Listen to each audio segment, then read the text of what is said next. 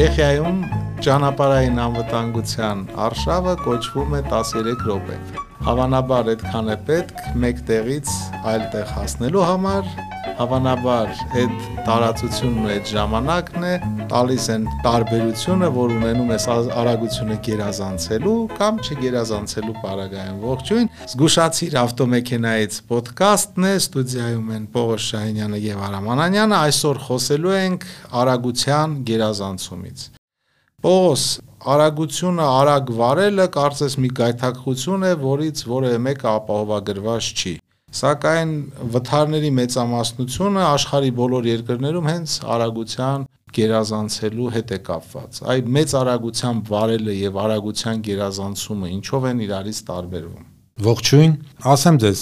երբ որ մենք ասում ենք գերազանցել արագությունը, դա նշանակում է կա սահմանափակում արագությանը, որը նախատեսված է օրենքով Ինչու է դա խատեսված, որովհետև դա ճանապարհի հնարավորությունն է, այսինքն եթե դու գերազանցեցիք, ապա կարող է լինել վթար ցանկացած այլ պատճառներից ելնելով, դրա համար նախընտրում են արագությունը սահմանափակել։ Օրինակ նման տեղերն են դա դպրոցական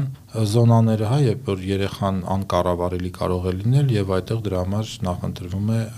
նախապատվությունը տրվում արագությունը նվազեցնել եւ այսօր հասնում գործում է 40 արագություն, չնայած պետք է ձգտենք իհարկե ունենալ 30 արագություն, որ, որն ավելի անվտանգ է։ Իդեպ ասեմ 30 արագությունը կիլոմետր/ժ դա միակ արագություն է, որտեղ 99%-ով որևէ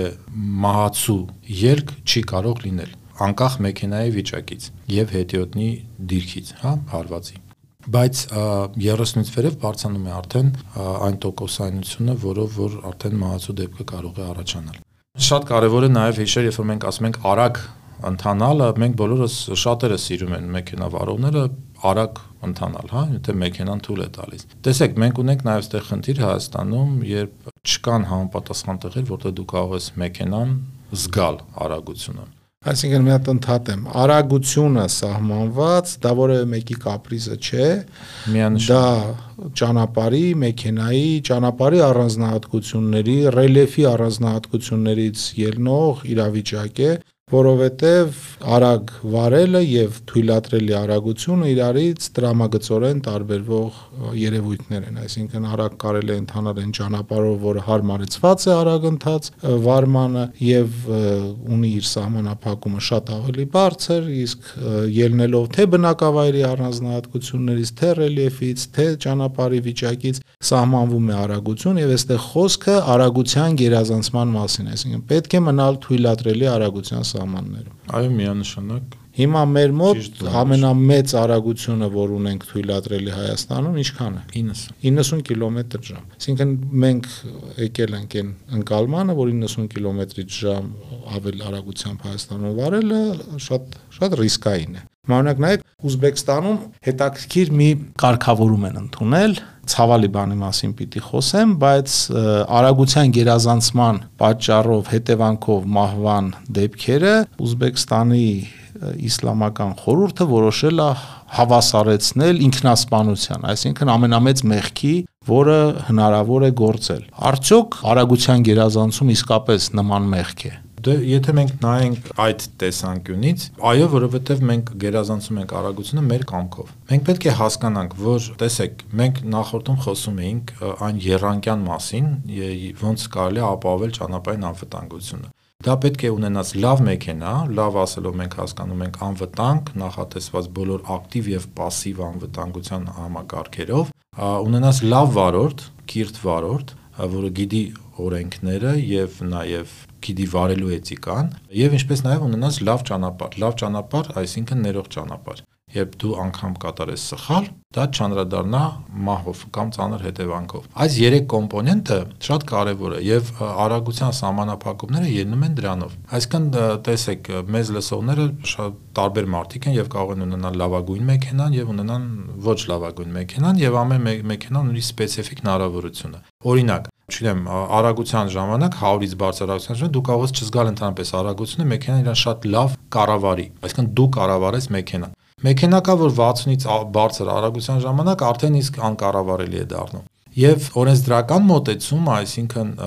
պետության եւ պետությունների իշխանությունների մոտեցումը ցանկացած երկրում այն է, որ դու վերցնես նվազագույն հնարավորություն ունեցող մեքենա եւ սահմանապակում ես դնում։ Մենք գիտենք շատ արագընթաց ճանապարհներ կան եվրոպական երկրներում, որ դե դու կարող ես գերազանցել 170 անգամ նույն ԱՄՆ-ում, որտեղ կարծես անգամ ցածր արագությունը չի խրախուսվում։ Ցածրը, այո, բնականաբար, որովհետև դու չես կարող երթևեկել ցածր, եթե նախատեսված է բարձր։ Բայց տեսեք, այնտեղ ճանապարհը նախատեսված է այդ արագությանը։ Մեր ճանապարհները ցավոք նախատեսված չեն, ինչպես նաև մեր ավտոպարկը։ Եթե մենք նայենք այն երկրները, որտեղ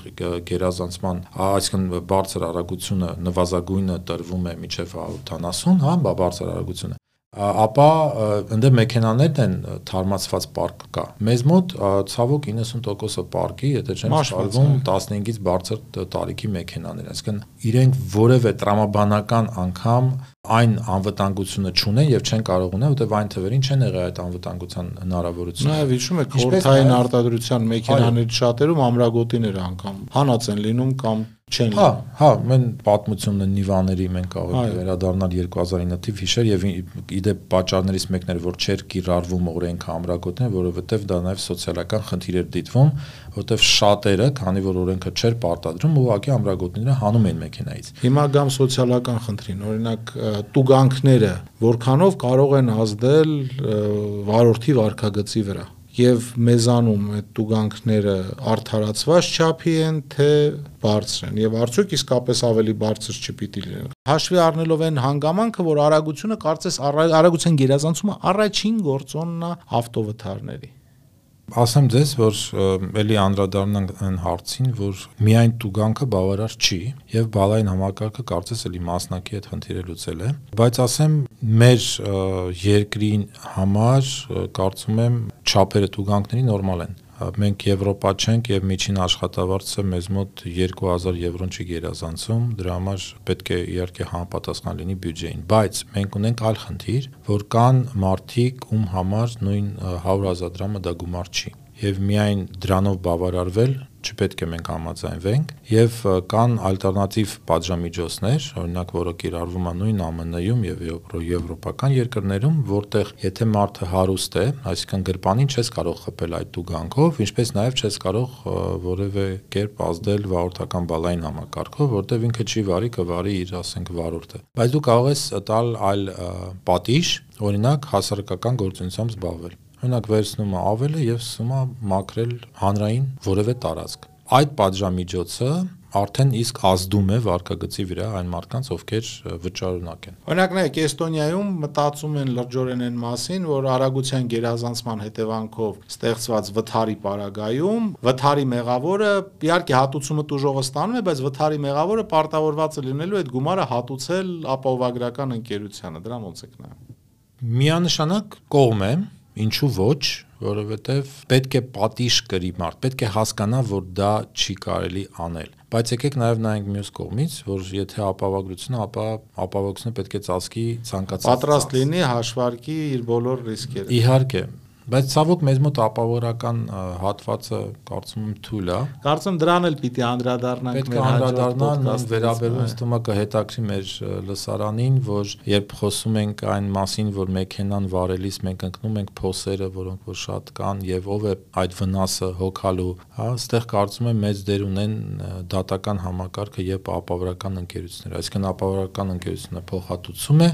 իսկ հետո ստանում է այն կառույցից, կլինի դա թաղապետարան կամ մասնավոր ընկերություն, ապահովությունը ստանում է արդեն դատարանի միջոցով փոխհատուցումները եւ այդ փոխհատուցումը պետք է լինի 5 պատիկ, 10 պատիկ ավել, որpիսի դա լինի ուսուցողական բնույթ կրի այդ կառույցների համար, որպեսզի թույլ չտան նման բաց թողումներ։ Սա կարա վերաբերի շինական աշխատանքներ, որոնք կատարվում եւ շատ մարդիկ ընկնում են ձեռք են ջարդում, ոտեն են ջարդում, մեքենան են վնասում, շատ-շատ դեպքեր տենց կան եւ կարծում սա հետաքրքիր թեմա կլինի մեր համար քննարկելու եւ խոսելու։ Շնորհակալություն Պողոս, շնորհակալություն մեր բոլոր ընկերներին։ Զգուշացեք ավտոմեքենայից, մի գերազանցեք արագությունը, ձեր հետ էին Պողոս Շայնյանը եւ Վարամ Աղանյանը։ Հանդիպենք արդեն ոդկասթի մյուս էպիզոդի ժամանակ, երբ կքննարկենք ճանապարհների վիճակը եւ ներող ճանապարհները։ Շնորհակալություն։